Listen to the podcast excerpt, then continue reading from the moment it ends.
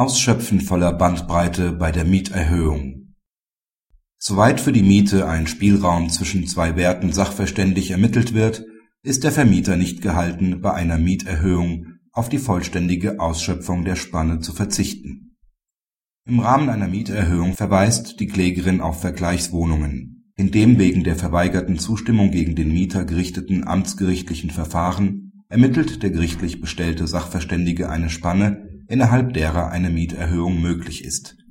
Das Amtsgericht orientiert sich, insoweit der Klage stattgebend, darüber hinausgehend sie abweisend, an deren höchstem Wert.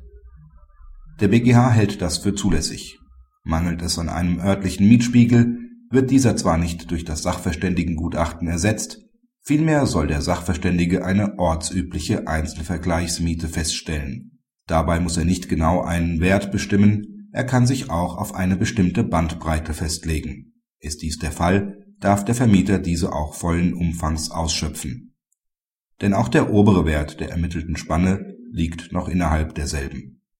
Praxishinweis Der BGH bestimmt zutreffend die Möglichkeiten des vermietenden Eigentümers.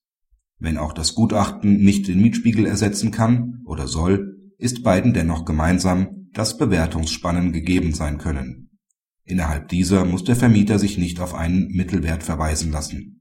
Ansonsten bedürfte es keiner Spannbreite, sondern müsste eine genaue Miete ermittelbar sein